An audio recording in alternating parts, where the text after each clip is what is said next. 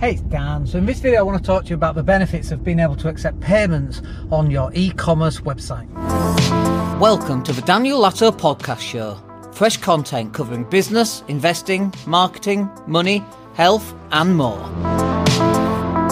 Hey, it's Dan. So let's talk about e-commerce, shall we? So if you've got a website right now, one of the really easiest things that you can do to make a difference in your business is to start accepting payments. And not just accepting payments, but actually having some products on your website that people can buy. Look, people are going to visit your website anyway. You might as well have a shop of some kind, like a WooCommerce shop or some kind of e-commerceification of your website where people can actually buy products, put them in a shopping basket, go to checkout, make a payment, and then how you deliver those products depends on the product, right? So you could have uh, something that you just, you know, you package up, postage is five quid, you pop it in the post and you send it out.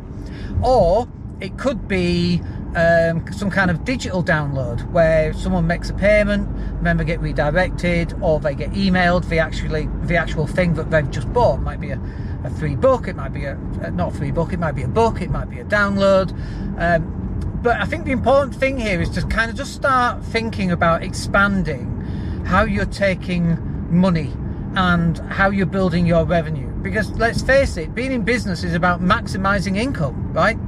Maximizing how many sales you're going to get.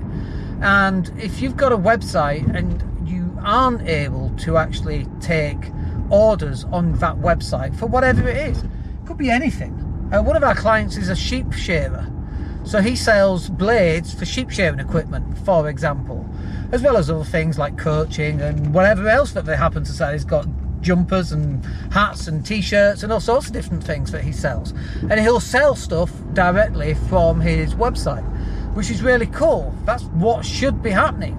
Any opportunity for someone to place an order buy something uh, get you to ship it out to them.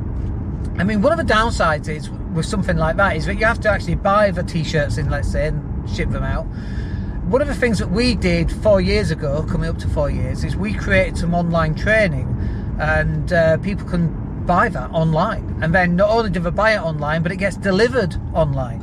So that one single piece of training that I created, um, it's not quite one single piece because there's like 95 videos and so on, uh, but it's one topic. We, we created that and packaged it up and sold it, and we sold at least one of those every single day for almost four years which is phenomenal, right? So you're missing a trick right now. Now, if you want to jump on a call, have a chat with us, uh, we're more than happy to recommend how to do it and what you should be selling and whether it's going to work or whether it's not going to work or whether it's got a chance of working and so on. Uh, so you can always come back to us and have a quick chat. Anyway, I just wanted to share that, just having a conversation with somebody about e-commerce websites and about increasing your revenue. And I think that's really important to do. All right, hope that's useful. We'll catch up with you in the next one. Take care.